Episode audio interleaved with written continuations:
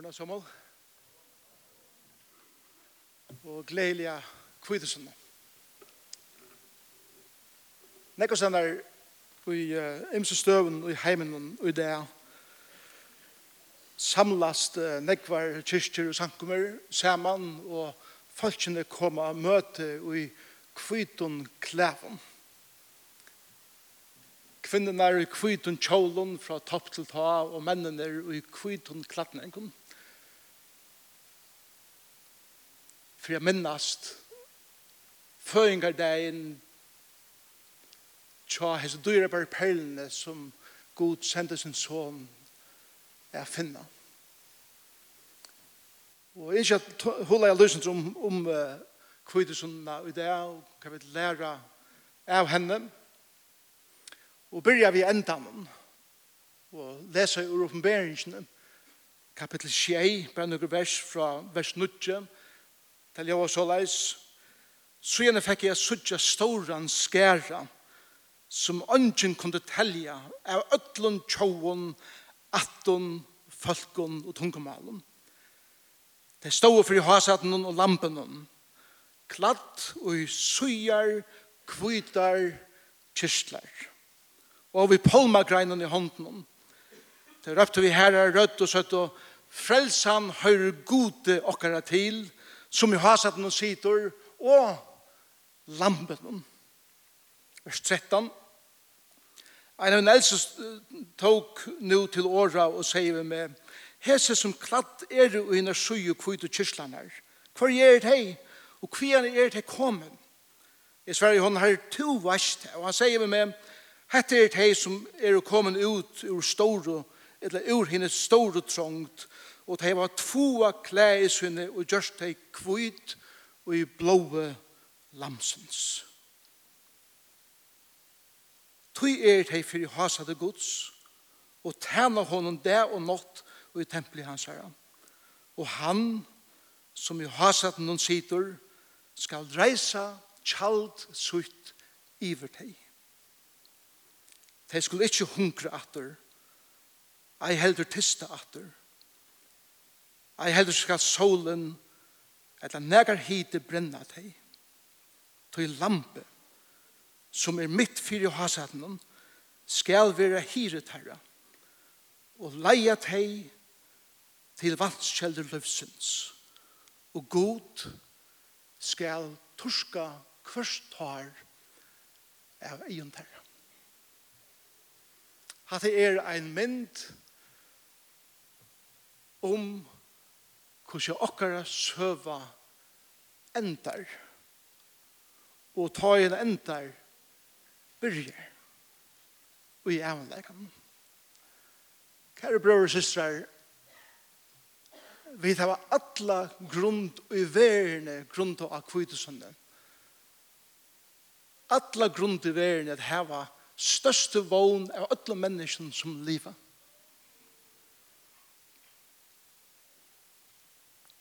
tre ting som vi ikke nevner morgen helt kjøtt, som kvilsen han lærer oss.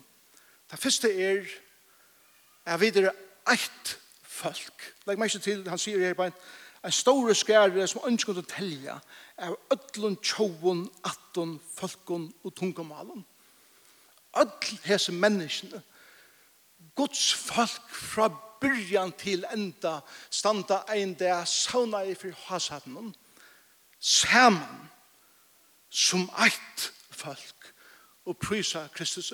Hva lærer kvisa okkom? Hva lærer føringar der og sankum i okkom? Det første er til at vi er kattla er vera eitt og to ikkje at vera eins.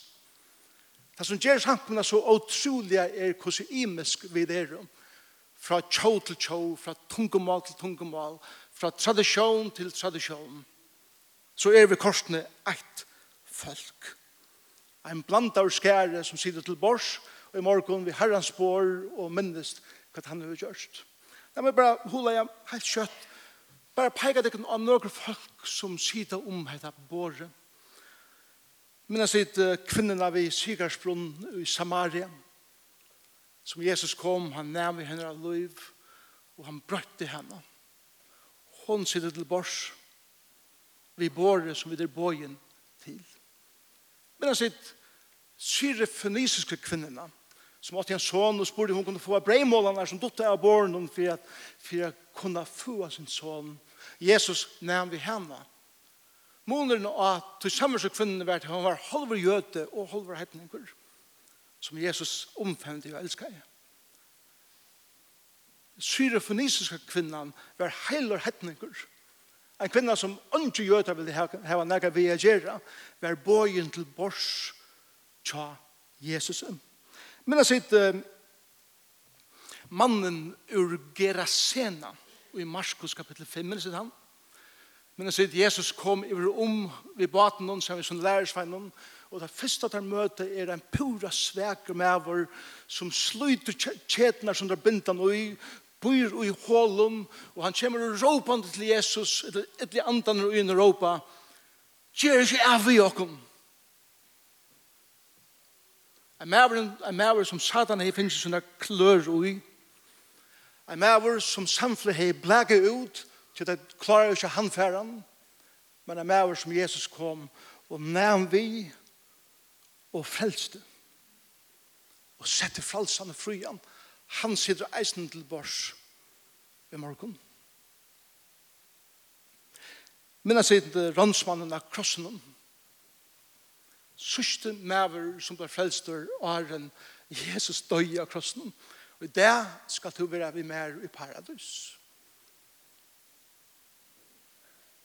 Deien av krossen og omfendt jeg eisen i ham. Men han sitter mannen som beint atan av Jesus var deir, høvesmæren, som sier sannelig var hesen, soner gods. Hva var høvesmæren? Høvesmæren var ein vel trenavur, romverskur hermavur, som dutti ikke betre enn at gjøre av i mennesker. Han stod fire krossfestningene. Han syrte fire at ta Jesus var krossfester, så var armeren halaver som ikke lengt iver ut til hålet som langt var båret for naklam. Så at albuen får uli for å stretcha boar armene som gjør det Jesus ikke fikk anta og strekte beinene nyer ut til hålen som var båret fram og undan for å få naklene i beinene av Jesus. Tannmæveren var den første som kom til trygg av Jesus, at han av Jesus skrev opp andan. Romversker, heien soldater, sitter til bors. Og var vi jo som skær han. Men altså, Marie Magdalene, som elskar Jesus og medtaler han, og vi talte, sjåan skal hun være her. Hon er en kvinna som har lukka fortalt som öll hine.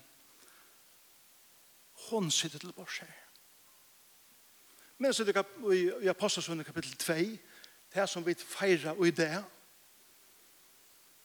Nasjoner kom og til det var der skjermen her på 15-16 nasjoner er nevnt der i Apostelsunde kapitel 2 koma fra öllens land rundan om Og det høyre båskapen om Jesus Kristus som døy av krossen om, og kattelig om at venda vi, og det gå oss ut liv til Jesus. Hesse ombøyene fra hesen 15-16 nasjonen, sida eisene til vår bors. Vi kunne fære tjøkken alle kyrkjøsøvna og sankommunsøvna, men jeg bare nevner fire du kunne eh, auka indianerne i Amazonas frumskåene, kvinnorna som sitter totalt naknar og prysa Jesus. Her sitter eisen til bors. Er det mannen som er totalt fullt uyladen og i, i uh, kåpaskinn eller bjarnaskinn for å halde hitan helt her norri og i norr Sibirien. Og prysa Jesus i her. Eisen i han sitter til bors.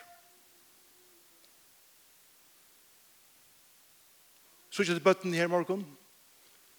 Bøtten som fra øtlen, tjåun, tungumalen og atten. Og det er rundt i samkommun kring atlan knøtten. Eisen oppi utan, oppi utan ytterste stammen ut i fjerskottene landen er bøtten sammen i det og prysa Jesus fyrir at han døye fyrir teg. eisen den heimleisje i New York, og hin som sitter i haksta bygningen ved sønne hjørna kontoret, fotler i pengen i Berlin. Kring atlan heimen er folk bøyen til bors. sart du sjålan her, med den hæse følsene. Hvis du givet lov til Jesus, så sitter to eisene her. Kanskje også to i morgen, jeg kan ikke si det samme ved hæsen. Eller også han grannar om det. To sitter her, jeg kan ikke si det samme ved her. Vi er kallet å være ett folk, men to imisk. Og folk kring knøtten i det, praktisera sin kristendom og uttrykja han av hatter som vi ikke hele tiden kunne forstille oss at de kunne gjøre, og i mån til hvordan vi gjør det. Anker hever sjokkere over at se hvordan vi praktiserer akkurat kristendom. Og vi lykker sjokkere om de, hvordan de praktiserer sin kristendom. Og to er vi alt kattleie å være eit, og to ikke ens.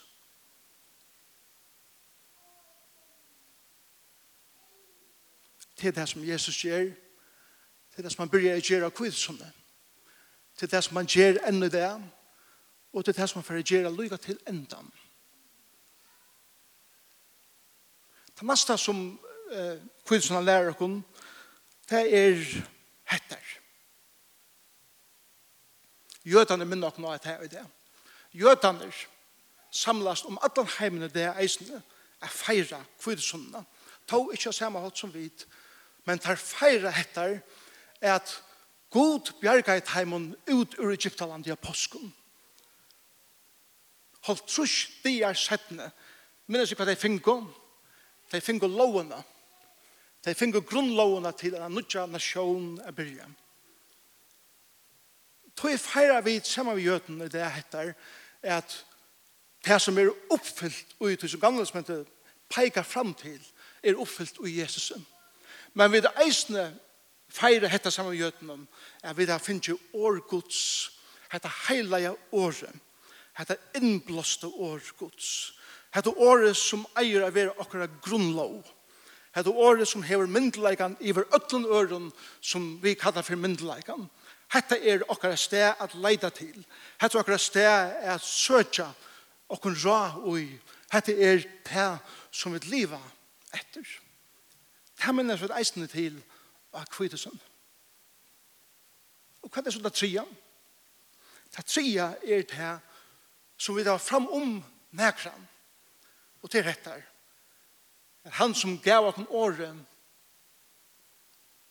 gav okken eisene andan. Han gav okken eisene andan. År utan anda er deilig år. År Ande utan år er deir ande. År og ande er livande, kvast og tvyetja og skjer inn av det innasta i merkjokkara. Men til bæra møvlet er til at hele anden kom og tog bostad i mittelen okkara. Og til minnes vi eisen i det at anden som var kommet og færen i Jøgens gamle som hente fikk en nødja dispensasjon kan man godt si en nødja mat at arbeide på da han tog bostad ui mennesken. Man anker sagt det at Jesus inkarnera ist han ble menneske men hele anden inkarnera ist da han tog bostad ui mennesken selv om han selv ikke ble menneske.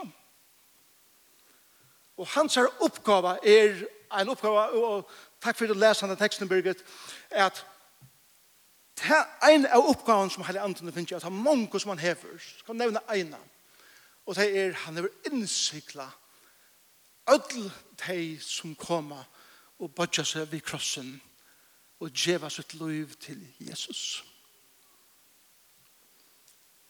Kære syster morgen, og kære bror, og i til løtene til gavst til liv til Jesus blev hele anden garanteren fire og innsiktlig om at to høyre herren til. Og tror jeg stod til at Paulus skrevet her i Efesus-brevene, til at Efesus at døven Paulus her var den største utfideren av Timpre i Mielahaus, London. Og fjøtlene i, i Efesus økenen var ryk i govon Timpre, trøven. Og ta i så trøyene var fotlen, og de, de var, var så blæka i ui ånda, som rann helt åman i haunen i Efesus. Åren treje var blæka ui ånda, så tog eieren av sin trenen, og han brente så et innsiklet pss, nyer ui børsten av trenan. Så det seg at da trøyene kom i åman i haunen, så visste eieren hver trø er i munnen. Og alla vegin fra fjöllene av, åman til vannan, stod folk og hilde vakt at trøyene kom i alle veien åman, tog at ofta var det tjåar som tog deg av vei åman, etter at hei kunne bli først mittel steinar og, og anna. Så folk var alle trøyene at syrja fire, at tempre kom alle veien åman, og i haunen, med om åman har vanna. Så leis at de kunne være sendt utenom alt mye alle havet til å bytja vi. Det er mindre som Paulus brukar om hele andan, for vi skal skilja det bedre. Herren syrger fire, vi innsykler hele andans, som vi minnast kvittelsen er det. At to erst innsikla, to erst innsikla vår vi hele andan, og hans her oppgave er at syrger for at du kommer fra her som du erst, allan vegin heim.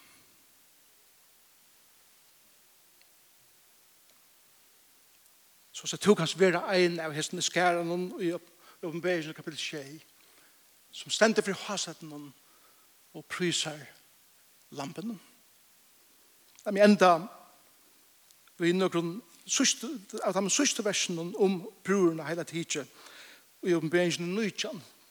Lurs bare etter sin her. Oppenberingen nøytjan og det er vers 6. Så ikke fyrir det kom. Biblia kallar samkomna eisne for bror Kristus her.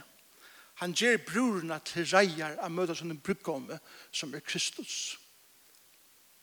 Paulus tåsar eisne om at han skal rense henne vid vattenbænen og i åren så at han vil lett fram, vil lett fram utan rukke, plett eller neka slukt. Hva er året? Hette er året. Hvor har vi innblåst dette året? Heile anden har innblåst dette året så tar vi som bror Kristus er lese etter året, og tega det til dere og liv og utøy, og let hele andan gjøre det versk ui dere som etter året lærer dere så vil jeg vet rensa og gjør meira klar som bror hans er at møte brukka med dere Og hele andan er garanter enn fire, at to er være leit atlan veien heim. Og så leser vi det i vers 6 og i oppenberingen 9.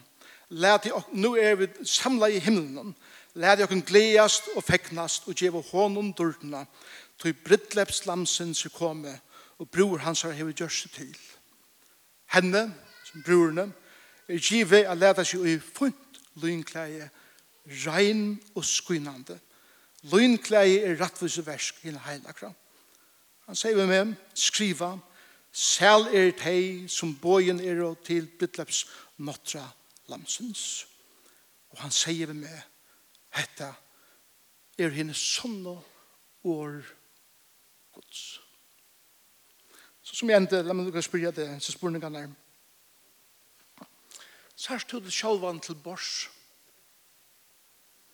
Ser man vi ötlands og folken som jeg har nevnt. To sitter her. Jeg sitter her vi. Så vi tar av breinen om morgen og drekker av gallisjonen. Så er det mynden som Jesus vil ha kunne minnast. At her som han gjør det av krossen hever evige konsekvenser innen og i evigleika. La oss bli neste spørning. Følg det vel som vi tar hjemme som du sier til bort som er vi? Vi for det ærlig svær her i nei. Nei. Tog jeg nekv av åkken er så utrolig åløyk der. Og nekv av okon liva helt annerledes enn jeg gjør. Nekv av okon har helt ære venner og tradisjoner enn vi heva i fyrjun. Men Jesus ser så rævlig nek større enn vi. Og han hekker djupt inn i hjertet og ser hva det er her. Så kan jeg be okken om å begynne å trivast vi tar imen som vi ikke tror så vi er sammen vi, til vi er eit, ta ikke ens. Og da må jeg spørre spørningen, er du glad for året? Er du glad for året gods? Hettar. Det som gjør at han er feir det, som vi er eisen feir året som råkker vela gjerne. Men la meg så spørre siste spørning. Er du glad for det hele andan? Fantastisk respons fra deg. Men jeg synes ikke det kommer her fra allikevel. Føler det. At jeg som sitter her i morgen er glad for at hele anden kom. Og at han er i middelen dere i morgen. Men ikke bare i middelen dere. ui dere. Ikke bare ui dere, men innsikla okkom, ikkje berre innsikla okkom, men leier okkom, ikkje berre leier okkom, men leier okkom allan vegin heim. Jeg møta okkar brukome. Hvor er han? Hesen. Som gjør det alt at han møvlet. Det han har krossen å si. det er fullkjørst. Så du blir sammen. Jesus, takk for breie, takk for vune, takk for alt det som det omboer landardommene og i tøy, tøy vi tega av tøy, kunne bare åpenberast vi at lesa ditt år og at sutja ditt folk liva. Og så at skilja til utrolige nøyene, den utrolige visdommen som skal til, til å leie ein og ein og ein og kvann, og så gjerne leie det saman og i ender av samkommun og tjattnebalkon og hva det som skal være. For jeg gjør det er bryningene som skal til, som vi taklast vi kan annan, jeg gjør det kommer en Jesus. Jeg testa fire, at alt dette og sånn ikke mer er i krossen og minner oss enn ene fra akkurat som hva du gjerst kring atlan knøtten og i det.